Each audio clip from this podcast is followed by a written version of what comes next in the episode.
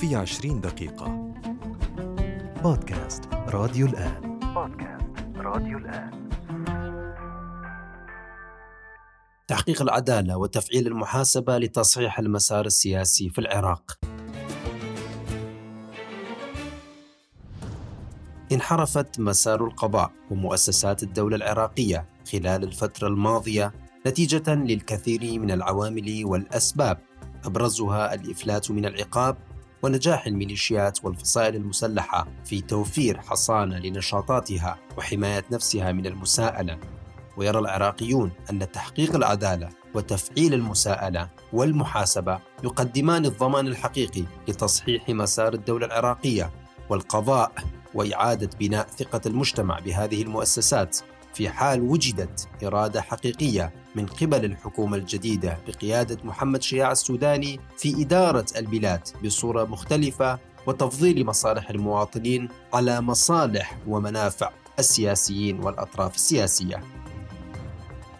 مرحبا بكم في حلقة جديدة من بودكاست في 20 دقيقة نتحدث فيها عن ضرورة تفعيل المحاسبة والمساءلة وتحقيق العدالة في ملفات كثيرة كخطوات أولية في مسار إعادة تصحيح المسار السياسي في البلاد.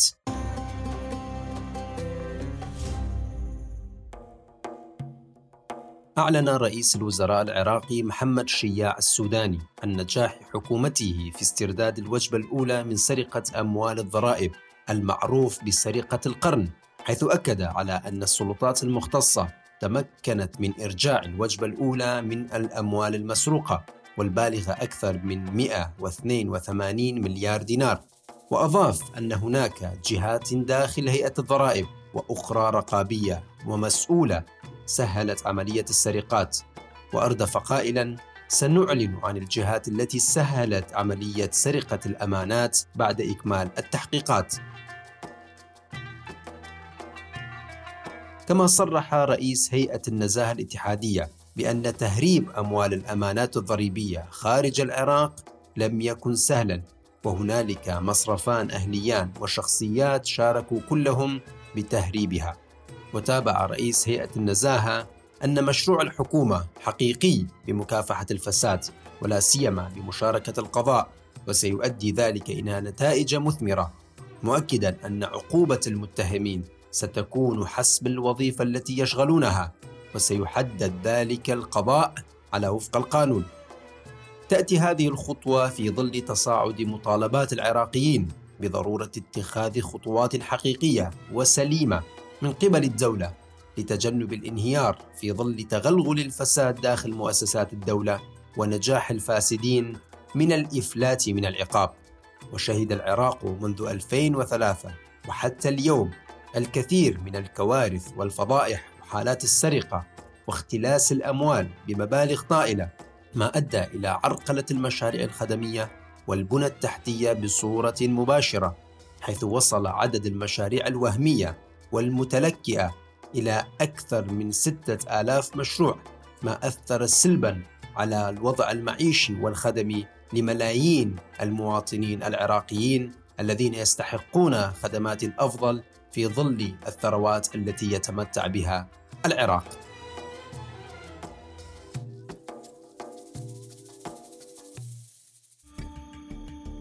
يتحدث جميع السياسيين عن ضرورة إصلاح الوضع السياسي وبناء عقد اجتماعي جديد وتدارك الأمور قبل فوات الأوان إلا أن القليل منهم يدركون حجم المخاطر التي تواجه مستقبل ومصير الدولة العراقية في ظل تصاعد التحديات الداخلية والخارجية وتفاقم المشاكل وغياب أفق الحل وتوسع الهوه بين الشعب والنظام وخاصة في ظل الفشل المتكرر في الاستجابة لأبسط مطالب العراقيين.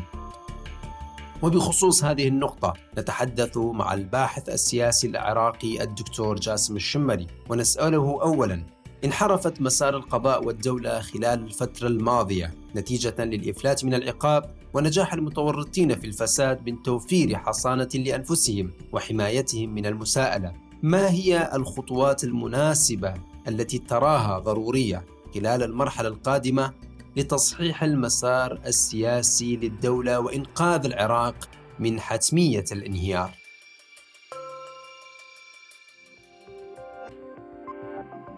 مما لا شك فيه أن الإرهاب والفساد هما وجهان لمؤامرة واحدة على أي بلد من البلدان وأظن أن الحالة العراقية القائمة أثبتت أن الفساد في بناء الدولة وفي غالبية مؤسساتها لا يقل خطورة عن الإرهاب. وبالتالي حينما يكون الفساد مدعوما أو محميا من بعض أجنحة القضاء هنا تكون الكارثة. وبالتالي يفترض أن تكون البداية من القضاء بالتوازي مع العمل التنفيذي من قبل الحكومة. يفترض أن تكون الترتيبات قضائية وبإرادة حقيقية حكومية للقضاء على الفاسدين. أما حينما يكون الفاسد آه، مدعوما أو محميا من قوة متنفذة فبالتالي أعتقد أنه لا يمكن لأي قوة أن تعالج الحالة السلبية المتمثلة بأحد وجوهها بالفساد المالي والإداري الموجود في العراق اليوم. أعلن رئيس الحكومة العراقي محمد شياع السوداني عن إعادة جزء من الأموال المسروقة في عملية سرقة القرن. كيف ترى هذه الخطوة؟ وهل يساهم في إنهاء استنزاف أموال الدولة بصورة أو بأخرى؟ لا شك أن هذه الخطوة خطوة استعادة بعض الأموال المسروقة فيما سمي عملية سرقة القرن هي خطوة جيدة لكن ما هو مقدار هذه الأموال المستردة قياسا بأقل تقدير 350 مليار دولار التي أعلنها أعلن عنها رئيس الجمهورية حينها برهم صالح. وفي أعلى تقدير هنالك يعني أنباء تتحدث عن ألف مليار. هذا المبلغ لا أعتقد أنه يساوي الشيء الكبير أمام حقيقة الفساد الموجود في الدولة وبالتالي من يريد أن يستعيد الأموال العراقية عليه أن يستعيدها بالمليارات وليس بالملايين. نهبت الأموال بمليارات الدولارات وما استعيد اليوم هو بمليارات الدنانير العراقية ومعلوم هنالك فرق كبير ما بين صرف الدولار والدينار إذا هذه الخطوة جيدة لكن يفترض أن تكون خطوة حقيقية تشمل كافة السراق آه، من المحميين من آه، الأحزاب والقوى الفاعلة في البلاد وإلا هي مجرد يعني استعادة لبعض الأموال التي ربما هي آه، يعني تعادل. ما مقداره يوم أو يومين من إنتاج النفط العراقي. إذا المطلوب هو استعادة الغالبية العظمى من أموال مسروقة والتي تقدر ما بين 350 مليار دولار إلى ألف مليار دولار. وأخيرا نرى من خلال التطورات الأخيرة أن هناك اهتماما كبيرا بالحكومة الجديدة وهناك دعم أمريكي يجسده خطوات السفيره الأمريكية في بغداد لحكومة السوداني هل برأيك سيساهم هذا الدعم في إبعاد السوداني عن المعسكر الإيراني والتركيز على مصالح العراق أم سيتكرر تجربة المالكي ولكن بصورة مختلفة وبشخصيات أخرى؟ المتابع للشأن العراقي يعلم أن السفيرة الأمريكية الجديدة ببغداد التقت بالسوداني أكثر لأكثر من ثمان مرات. نصف هذه اللقاءات كانت قبل أن يتسنم منصب رئاسة الحكومة. وقيل بموجب البيانات إنها لدراسة تعزيز العلاقات ما بين الطرفين و يعني استمرار التعاون في محاربة الإرهاب وغيرها من العبارات المنمقة، لكن أعتقد إنه الغايات أبعد من ذلك، ربما هنالك ضغوطات أمريكية حقيقية على السوداني وربما هنالك إملاءات، هذه الضغوطات ربما أريد من خلالها الضغط على السوداني للابتعاد عن المعسكر الإيراني من جهة ولمكافحة الإرهاب من جهة ثانية بدليل أن السفيرة الأمريكية وبعد يومين من لقائها في بيوم 20 11 من هذا العام التقت السوداني ثم بعد 48 ساعة التقت مع محافظ البنك المركزي ومدير المصرف العراقي للتجارة. وهذه حقيقة أولا غريبة من ناحية بروتوكولية وثانيا تؤكد أن هنالك رغبة أمريكية لمعالجة قضية الفساد المالي. ربما هذه اللقاءات لها آه، جانب من إمكانية تفعيل الاتفاقية الأمنية ما بين بغداد وواشنطن وبالذات مع الهجمات المتكر الإيرانية المتكررة على إقليم كردستان. إذا هنالك العديد من أوجه الضغط الأمريكي أو الإدارة الأمريكية راغبة بأن تبعد السوداني عن المعسكر الإيراني وفي الحالة القائمة اليوم وحتى الوقت الحاضر أعتقد أن هذا الأمر ليس بهذه السهولة بسبب أن من رشحوا السوداني غالبيتهم العظمى وهنا أتحدث عن إطار التنسيقي غالبيتهم العظمى هم من المقربين من المقربين لإيران. ولديهم القدرة على يعني إبعاد أو إقالة السوداني عبر مجلس النواب. القضية ربما ستظهر خلال المرحلة القادمة وأعتقد أن هنالك رغبة أمريكية حقيقية في الضغط على السوداني للابتعاد عن المعسكر الإيراني.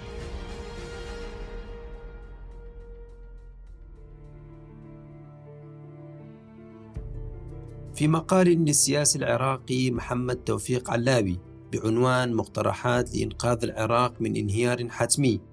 يقول فيه الكل يعرف أن نظام المحاصصة القائم حاليا تسبب في تراجع البلاد وبشكل كبير خلال العشرين سنة الماضية لأن أغلب أفراد الكابينة الوزارية هم تابعون للأحزاب وأغلب هؤلاء الوزراء يعملون لمصالحهم الخاصة ومصالح الجهة التي رشحتهم. ومع ذلك بقيت شؤون البلد تمضي وإن كانت بشكل متعثر. ولكن من دون وجود مخاطر حقيقية لانهيار البلد. ولكن الآن العراق متجه إلى انهيار حتمي ما لم ننهي المحاصصة والتي لا يمكن إنهاؤها إلا بالنظام الرئاسي أو شبه الرئاسي. ويبدو واضحا أن السياسيين الذين يعترفون بالفشل والقرب من الانهيار لا يقدمون مقترحات عملية لمعالجة المشاكل والحيلولة دون الانزلاق إلى الخراب بل يقتصر اقتراحاتهم على تغيير النظام السياسي من برلماني إلى رئاسي. وهذا لا يضمن حدوث تغييرات حقيقية لأن هذه الأطراف المتورطة بالفساد قادرة على التكيف مع النظام الجديد في حال تغييره نظرا لامتلاك المال والسلاح والنفوذ داخل الدولة. ومن الواضح أن المقترحات المنطقية هي التي تساهم في إحداث تغييرات مباشرة وفورية وتشارك في تحسين حياة المواطنين وإنقاذ النظام السياسي بصورة سريعة. ومن ضمن هذه الخطوات الضرورية قيام الحكومة الحالية بتنفيذ الوعود بخصوص حصر السلاح بيد الدولة والتعامل مع أكثر من 80 ميليشيا موجودة بصورة حازمة. دون أي مجاملات سياسية للأطراف التي ترعى هذه الميليشيات. وسوف يساهم هذه الخطوة في تحقيق الكثير من الأهداف منها إعطاء صورة إيجابية للحكومة الحالية لدى المواطنين في الداخل والأطراف الإقليمية والخارجية ويؤكد وجود دولة حقيقية قادرة على فرض الأمن والقانون على الجميع ويفتح المجال أمام الاستثمارات الخارجية للقدوم إلى العراق. بعدما هربت خوفا من الأتاوات والابتزاز الذي تقوم به الميليشيات الموالية لإيران إضافة إلى معالجة ملف النازحين عن طريق التمهيد لعودتهم إلى مناطقهم المحتلة من قبل الفصائل المسلحة الموالية لإيران والتي حولت الكثير من المناطق المدنية إلى مناطق عسكرية أو سجون سرية أو مصانع لصنع الصواريخ ومنع الأهالي من العودة إليها مثل منطقة جرف الصخر والسنجار وغيرها من المناطق. كما أن تفعيل المحاسبة والمساءلة بحق الجميع سوف يساهم بصورة مباشرة في تقوية الدولة والتصالح مع الداخل حيث أن العراق ما زال يتصدر مشهد مؤشرات قائمة الإفلات من العقاب التي تصدرها لجنة حماية الصحفيين حيث احتل العراق المركز الثالث بعد الصومال وجنوب السودان من حيث إفلات قتلة الصحفيين من العقاب بحسب آخر تقرير للجمعية عام 2021 ولا يقتصر الإفلات من العقاب على قتلة الصحفيين والناشطين بل على الكثير من جرائم القتل والتعذيب والتغييب والخطف والتهديد الذي يتعرض له شريحة كبيرة من المواطنين في ظل عجز القضاء أو مؤسسات الدولة عن محاسبة المتورطين في هذه الجرائم بسبب السلاح الميليشياوي أو سلاح العشائر الذي يوفر أحيانا الحماية لهذه الأطراف التي تتجاوز على القانون وعلى حقوق المواطنين.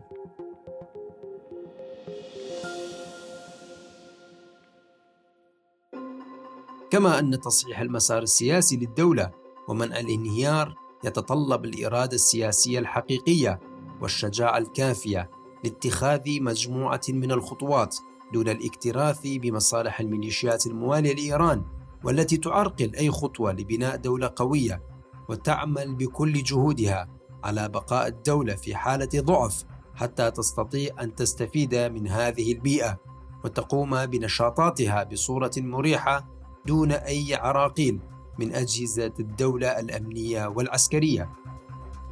وفي ظل الاهتمام الإقليمي والدولي بالحكومة العراقية الحالية وموقع العراق الاستراتيجي على خريطة الطاقة العالمية، من الممكن أن يستغل العراق هذه الفرص لتقوية الداخل عن طريق إعادة بناء الثقة مع المواطنين وإنهاء فواعل اللادولة التي تنشط بصورة كبيرة وتشكل خطرا على العراق وجيرانه وإعطاء إشارات إيجابية إلى الخارج. ومن المعروف أن هذه الفرص قد لا تتكرر في حال إضاعتها من قبل الطبقة السياسية. الحالية في حال تركيزها على مصالحها الآنية على حساب مصالح الاستراتيجية للبلد.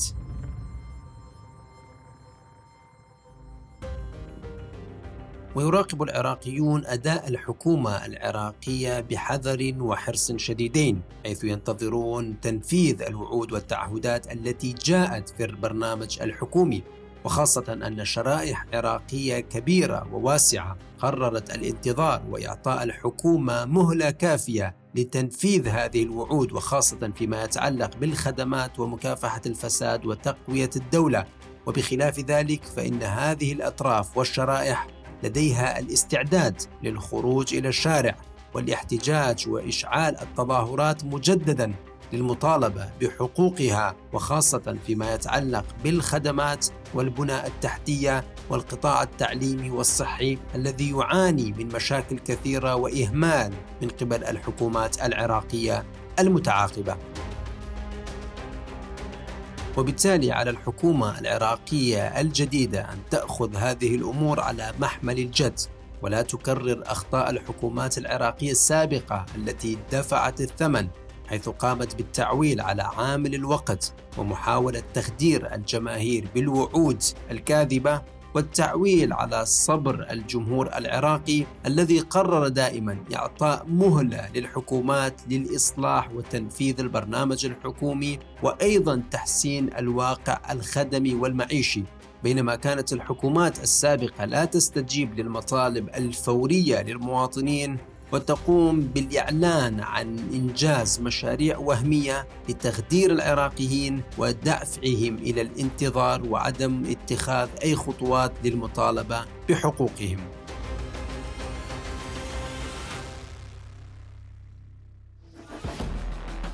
إلى هنا ننتهي من حلقة هذا الأسبوع من بودكاست في 20 دقيقة تحدثنا فيها عن ضرورات وخطوات تصحيح مسار الدولة العراقية عن طريق اتخاذ خطوات جريئة وشجاعة في سبيل تحقيق العدالة وإجراء المحاسبة بصورة فورية لضمان إنهاء الإفلات من العقاب وإعادة الأموال المنهوبة وإعادة بناء الثقة بين المواطنين والنظام السياسي لتجنب الانهيار الحتمي. شكرا لكم لحسن الاستماع وإلى اللقاء في الحلقات القادمة.